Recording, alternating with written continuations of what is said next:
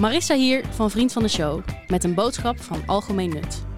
Deze podcast wordt met veel liefde, plezier en eigen geld gemaakt.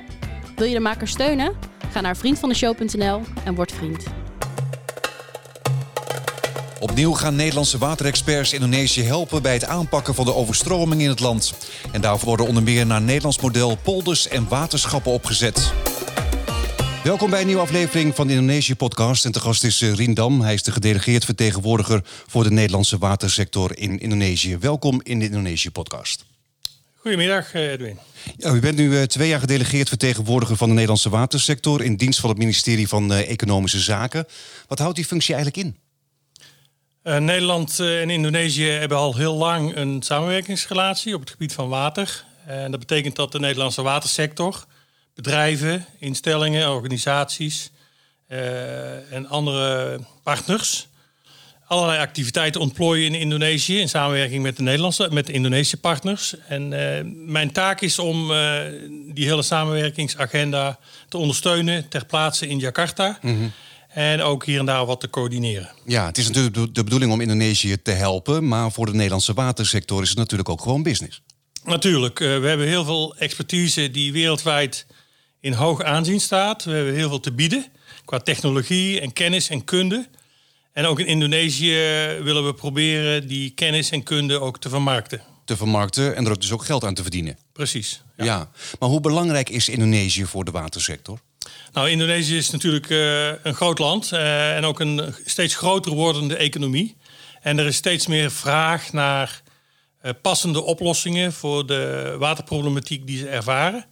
En dat betekent dat het voor de Nederlandse watersector een heel interessant land is om daar zaken te doen en om onze producten zeg maar, te slijten. Maar hoe belangrijk is de Nederlandse watersector voor Indonesië? Uh, de Nederlandse watersector is al heel lang actief in Indonesië. En Indonesiërs zijn uh, vrij goed bekend met wat we te bieden hebben en waar ze bepaalde kennis of informatie moeten halen, waar ze eventueel samenwerkingspartners uh, moeten zoeken.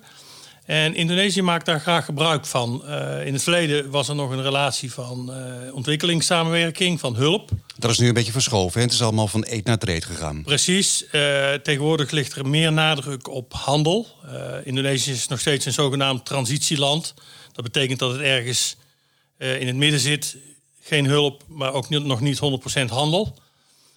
en binnen dat spectrum proberen we allerlei vormen van samenwerking op te zetten, maar vooral ook om te kijken of we daar zaken kunnen doen. Maar wat betekent dat voor de concurrentiepositie van de Nederlandse watersector, dat het van eet naar trade is uh, gegaan?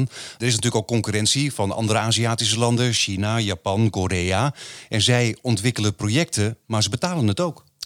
Dat klopt, dat is uh, inderdaad uh, de situatie zoals die in Zuidoost-Azië bestaat. er zijn natuurlijk andere grote spelers, ook in de watersector, landen als Korea, Japan en nu ook China, die proberen ook hun uh, partnership op te bouwen met Indonesië.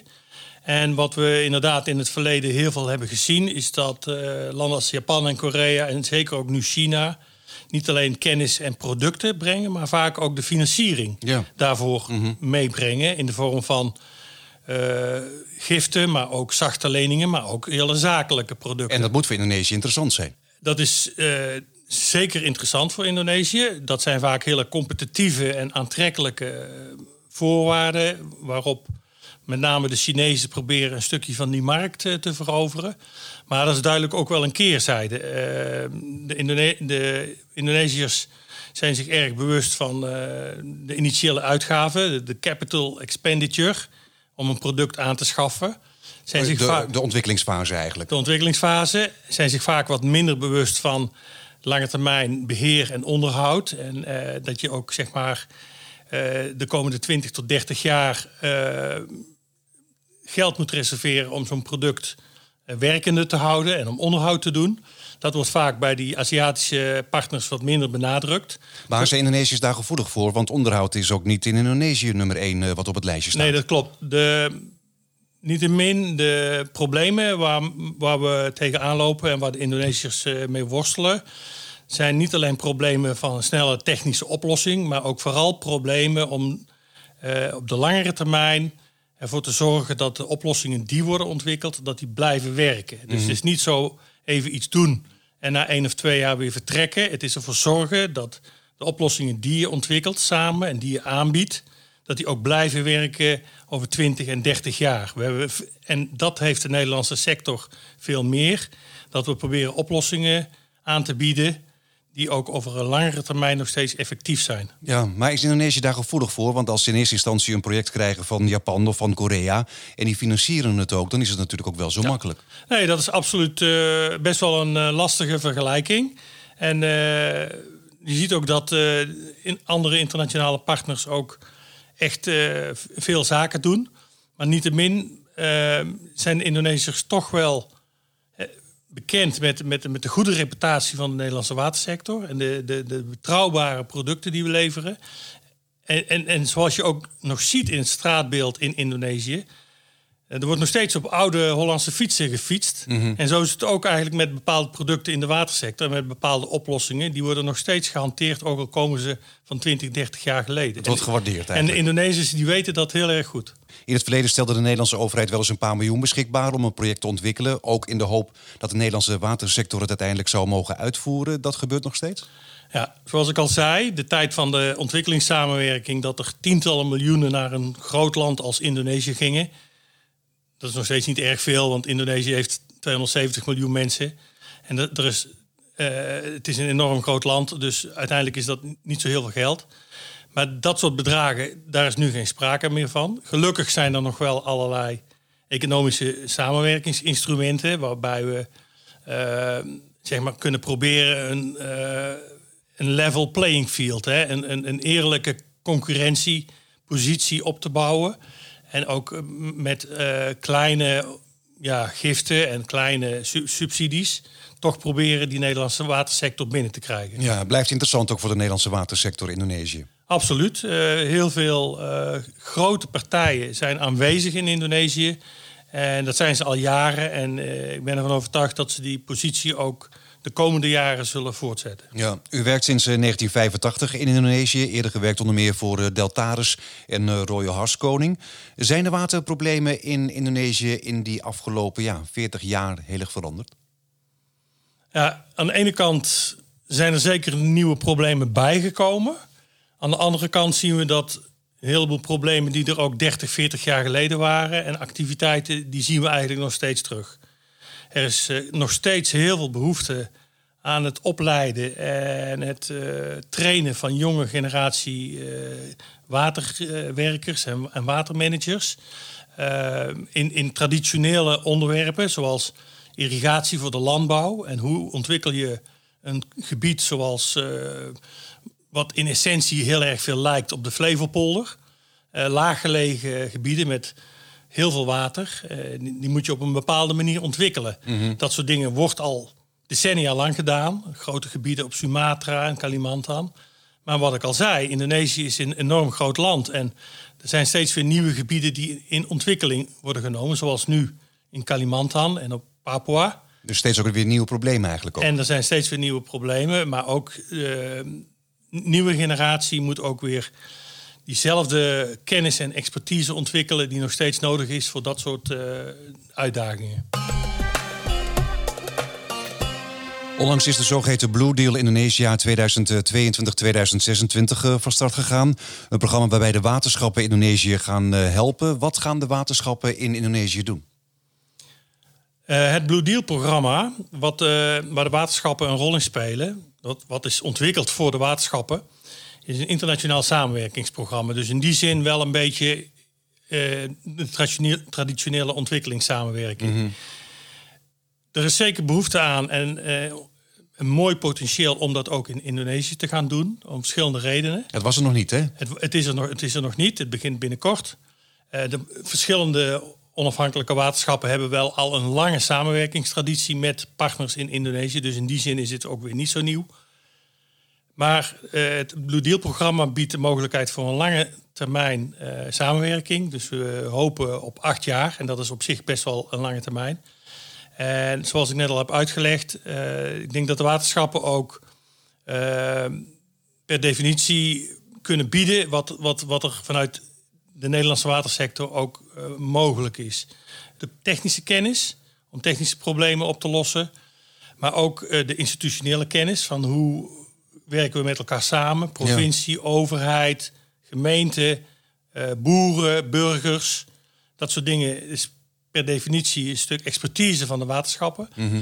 En juist dat soort dingen is enorm veel behoefte aan in Indonesië. Nou, er zijn er drie gebieden uitgekozen. Laten we even die drie gebieden bij langs eh, lopen. Semarang. Net als eh, in Jakarta is daar sprake van de bodemdaling. Juist vanwege grondwatergebruik. Waardoor de bodem daalt en uiteindelijk de zee de stad eh, binnenstroomt.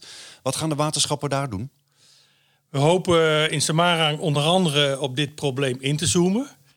Uh, zoals je zelf al zegt, die bodemdaling wordt met name veroorzaakt door de onttrekking van grondwater voor zowel industrie als voor de kleine gebruiker, voor huishoudelijk gebruik. Appartementencomplexen, malls. Appartementencomplexen, hotels, maar zeker ook industrie.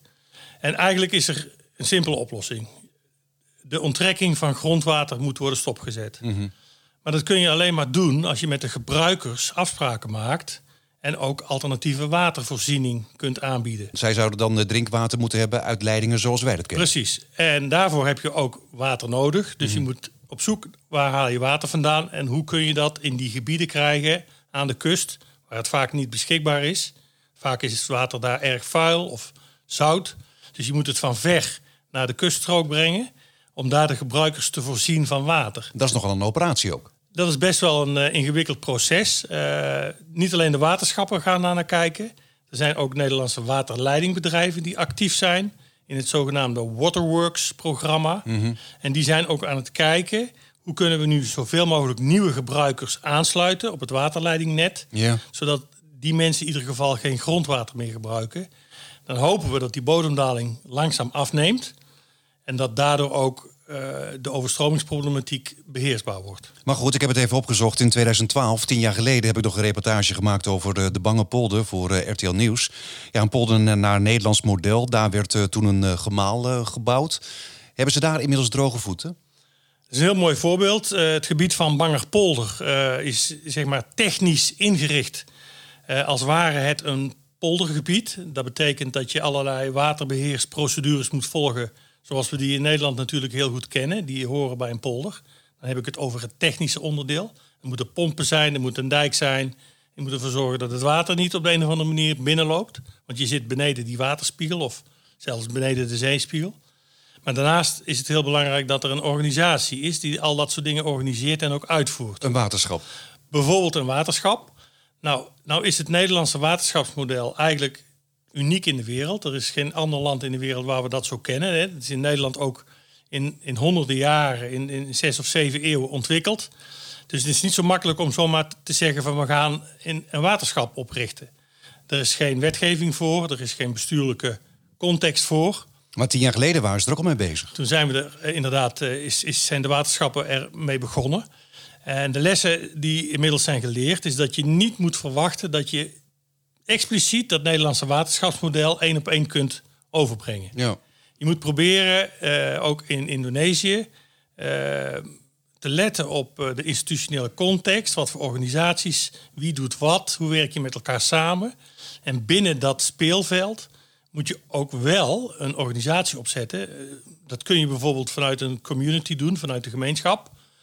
Met bepaalde taken, met bepaalde verantwoordelijkheden. Om te doen wat nodig is om zo'n polder te beheren. Maar hebben ze inmiddels droge voeten trouwens in de Bange Polder? Bij de laatste overstromingen van ongeveer drie tot vier weken geleden, toen er een stuk van de seawall is ingestort vanwege extreem hoog getij en een stuk van de haven is ondergelopen, is Bangerpolder droog gebleven. Oké, want toen moesten ze inderdaad elke vijf jaar hun eh, vloer een beetje ophogen om het huis een beetje droog te houden. Maar uiteindelijk zaten mensen ook zelfs met hun hoofd tegen het dak aan. Maar nu is het dus echt een polder, Ja. waarbij de huizen echt lager staan dan over het algemeen het waterniveau in de omliggende kanalen en afvoersysteem. Ja. En, en hoef je dus ook die huizen niet meer eh, te gaan verhogen, omdat je nu op een andere manier het water buiten de deur houdt. En daar zou dus ook inderdaad een waterschap moeten komen die het gemaal gaat eh, onderhouden. Die inderdaad ook met de eh, politiek en met de organisatie zorgt dat het allemaal onderhouden blijft. Maar willen Indonesiërs dat wel? Want het betekent ook dat ze ervoor moeten gaan betalen. Ja, dat is eigenlijk het stadium waar we nu zijn beland. Om te kijken of je ook een passende organisatie zou kunnen opzetten.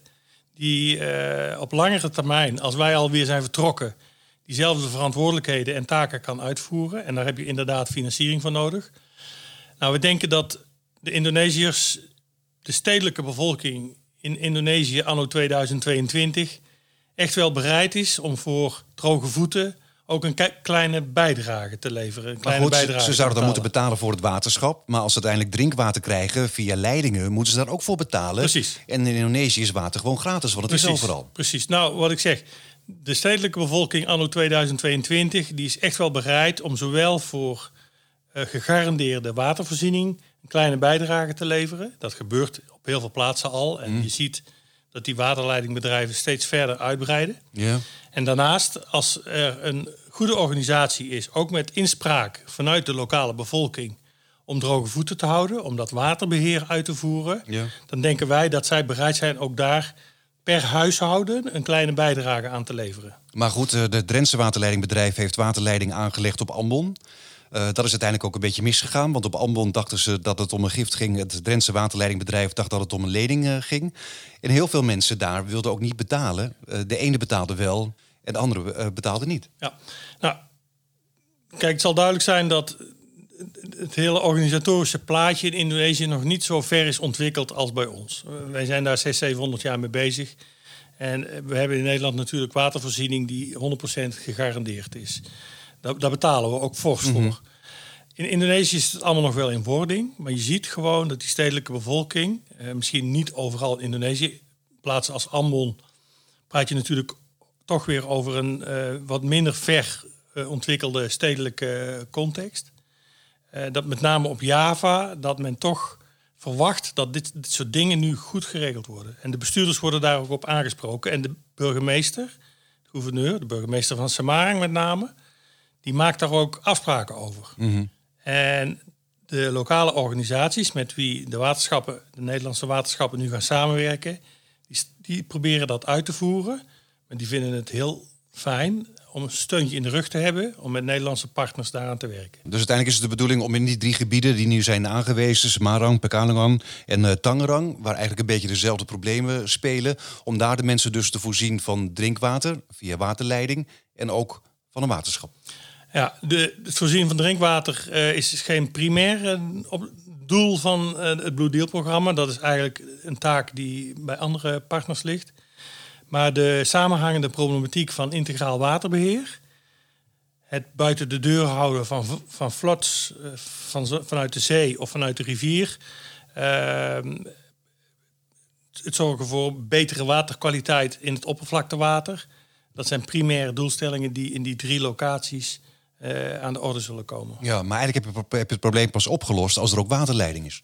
Jazeker, jazeker. Maar daar wordt, er wordt op verschillende plaatsen ook echt wel uh, werk van gemaakt. Ja, is dat te doen in, in zo'n land waar miljoenen mensen wonen en waar het zeg maar niet zo gestructureerd is als, uh, als hier, waar de huizen een beetje door elkaar staan, kleine huisjes, overal kriskras. Is dat te doen eigenlijk? Ja, ik denk dat, dat zijn natuurlijk de uitdagingen van, een, van het werken in een land als Indonesië. En het is, het is niet heel veel anders dan bijvoorbeeld in Bangladesh of bijvoorbeeld ook in, in Vietnam, waar ik ook heb gewerkt. Uh, het is zeker te doen, maar ik moet wel zeggen dat de bestuurlijke context in Indonesië is vaak heel ingewikkeld. We hebben een aantal jaar geleden een soort van decentralisatieproces gehad in Indonesië, waarbij heel veel verantwoordelijkheden bij de lokale overheden zijn neergelegd. Dat heeft het moeilijker gemaakt? En dat heeft het zeker moeilijker gemaakt, omdat er nu allerlei onduidelijkheden bestaan van is het nu een verantwoordelijkheid van de nationale organisatie of van een provinciale organisatie of misschien van een gemeente of van een stadsbestuur. En dat, die interactie is niet altijd makkelijk. Maar ziet de Indonesische overheid het nut van een waterschap in? Absoluut, absoluut. Nogmaals, we mogen niet één op één een waterschap in Indonesië neerzetten. Zo, zo zal het ook nooit worden genoemd. Want daar is geen wetgeving voor. Uh, maar een, een, een, waterbeheersorganisatie die ook met inbreng vanuit de lokale bevolking zijn, zijn taken kan uitvoeren daarvoor is draagvlak en men kijkt daar met heel veel belangstelling naar. Ja. Wat zijn de problemen eigenlijk in uh, Tangerang? Want die zijn iets anders dan in de andere twee gebieden. Ja, een van de belangrijke thema's, met name uh, van het waterbeheer op Java is de integrale problematiek aan de kust, aan de noordkust van Java. En in het stukje kustlijn net ten westen van Jakarta, dat is dan het gebied van Tangerang, zie je eigenlijk heel goed dat uh, de, het kustbeheer, vaak vind je daar visvijvers waar vis in geteeld wordt, dat dat heel erg slecht is. En als je geen kustverdediging hebt en je hebt geen uh, dijkje of een, uh, een of andere vorm van bescherming, dan zie je steeds meer dat zeespiegel stijgt, de golven worden groter, dat, dat je stukjes land verliest. Stukje bij stukje zie je dat uh, een stukje land verliest, dat de weg verdwijnt en dat er huizen in zee vallen. Dat speelt met name ook in Tangeren. Ja, veel is dus eh, terug te voeren op het gebruik van de grondwater, waardoor eh, steden langs de, kust eh, zinken. Ook Jakarta heeft daar last van. Een deel van de hoofdstad dreigt te verdwijnen door ook die bodemdaling. Nederlandse experts zijn daar ook jarenlang bezig geweest om daar een oplossing voor te vinden. Er waren plannen voor een Great Garuda, een soort van afsluitdijk. Maar die plannen zijn nu helemaal gestopt. Waarom eigenlijk? Er is jarenlang samenwerking geweest eh, in het gebied van Jakarta om Jakarta te beschermen tegen overstromingen vanuit zee. Dat project is afgerond en daar zijn eh, hele indrukwekkende rapporten eh, voor aangeboden aan de lokale bestuurders, aan de gouverneur van Jakarta. Ja, plan om een hele nieuwe stad in zee te bouwen om juist de kust te beschermen. Ja, dus terwijl, terwijl al die studies zijn uitgevoerd, werd er in Jakarta werden uh, eilanden opgespoten om, om nieuwe wijken op te bouwen, inderdaad. Ook weer stopgezet. Ook weer stopgezet. Uh, maar een belangrijk onderdeel van de Nederlandse advisering betrof de acute bescherming. Van wat moeten we nu doen op korte termijn? En daarvoor is bescherming ontworpen en ook gebouwd, uitgevoerd mm op de bestaande kustlijn. Ja, er is een soort van muur gebouwd. Dat is een soort van muur gebouwd, inderdaad. En dat zou er in principe als die muur intact is en overal is afgemaakt, altijd onduidelijk in Indonesië, dat zou in principe bescherming moeten bieden voor de korte termijn. Ja, maar niet voor de langere termijn. Voor de langere termijn zijn ook adviezen ontwikkeld om uh, buitengaats in de baai van Jakarta op, op, op 10 kilometer vanuit de kust, om daar een grote dijk te bouwen. Uh, met bijvoorbeeld een tollroad erop. Uh, je moet ook nog steeds toegang hebben tot de haven van Tanjung Priok. Dus er moet allerlei infrastructuur worden ontwikkeld. En uitkijken dat niet het afval daar allemaal in die baai terecht Precies. Uh, dat plan is ook uh, ingediend. En, maar dat is een plan wat je zou moeten gaan uitvoeren tussen nu en 2050. Mm -hmm. Dus dat is voor de langere termijn. Maar dat gebeurt niet? dat weet ik niet. Dat is aan de Indonesische bestuurders om daar een beslissing over te nemen. Normaal gesproken zie je dat waar ook ter wereld, maar ook zeker in Nederland, dat dat processen zijn waar 20, 30 jaar overheen gaat. Maar het plan dus- is gemaakt en het is nu aan de Indonesische regering om het wel of niet uit te voeren. Het plan is gemaakt. Er zijn eerdere varianten geweest in de vorm van een hele futuristische Great Garuda. Dat zal hem zeker niet gaan worden. Dat viel niet helemaal goed. Maar een simpelere uitvoering, die ook veel goedkoper is natuurlijk, is uitgewerkt. Met ondersteuning vanuit Nederlandse experts, vanuit eh, Koreaanse experts. We hebben daar ook zeg maar, internationaal in samengewerkt. Dat plan ligt er en nu is het aan de bestuurders om daar een besluit over te nemen. Ja, maar de Nederlandse experts zijn er niet meer bij betrokken nu? Op dit moment niet. Nee. Maar goed, eh, de hoofdstad eh, wordt eh, verplaatst naar Kalimantan. Jakarta zal er heus blijven liggen. Maar goed, er moet een hele nieuwe stad gebouwd worden daar. Ehm, de kustbescherming van Jakarta is ook een hele investering. Zal de Indonesische regering daar nog voor gaan kiezen? Ja, de huidige president uh, Joko Widodo die is heel ambitieus met het ontwikkelen van zijn nieuwe hoofdstad. Mhm. Wat een bestuurlijke hoofdstad moet worden. Alle ministeries, ambassades moeten daar naartoe. Alle ministeries moeten daarheen. Maar in de eerste fase van de ontwikkeling van die nieuwe stad, uh, Ibu Kota Nusantara. Ja. Uh, de eerste stadium bestaat eruit dat met name ambtenaren daar moeten gaan werken op nieuwe ministeries. dus dat is een relatief beperkt aantal mensen misschien 300 of 500.000. Dat is relatief weinig in mhm. Indonesië. Er is geen sprake van grootschalig verplaatsen van Jakarta, miljoenen mensen, naar Kalimantan. Daar is absoluut geen sprake aan. De rest allemaal in Jakarta blijven wonen, zegt u? De, meeste mensen blijven gewoon in Jakarta wonen. En van Lieverlee zal die nieuwe hoofdstad, als die zich doorontwikkelt, zal die wat gaan groeien tot misschien 1 of 2 miljoen mensen. Maar zeker niet veel meer. En dat is ook een lange termijn proces. Jakarta is 12, 15, sommige mensen zeggen 20 miljoen mensen. Het overgrote deel daarvan zullen in Jakarta blijven.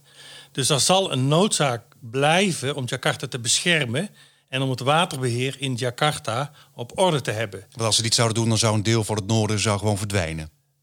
De zeespiegel die blijft stijgen, dus men moet denken aan die lange termijn oplossing. En daarnaast is nog steeds de afvoer van het rivierwater uit het achterland, vanuit de heuvels, vanuit Bogor, moet, verdient continu aandacht om daar werk van te maken.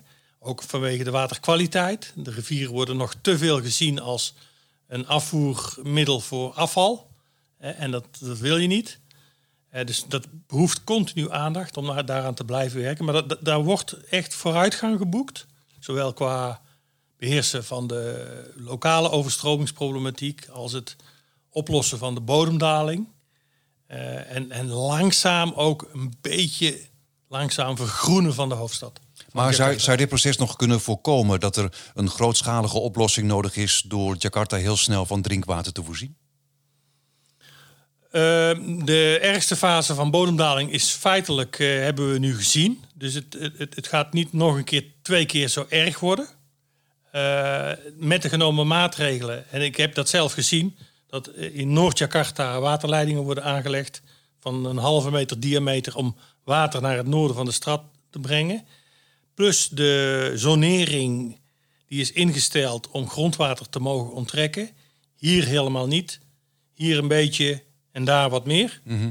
Dat soort maatregelen die beginnen nu effect uh, te sorteren. Ja, maar uiteindelijk is het nog wel een grootschalige oplossing nodig. Die primaire kustbescherming in de vorm van die relatief bescheiden seawall mm op de bestaande kustlijn, die is absoluut nodig. Yeah.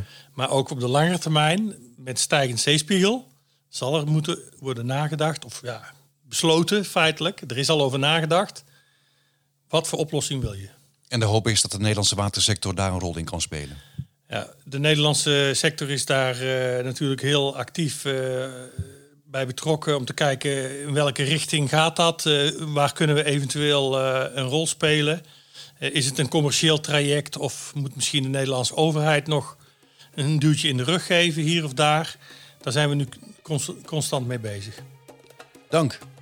Rindam, de gedelegeerd vertegenwoordiger voor de Nederlandse watersector in Indonesië. Tot zover de Indonesië-podcast. Vergeet niet om voor 3 euro per maand vriend van de show te worden. En dat kan via indonesiëpodcast.nl. Tot de volgende.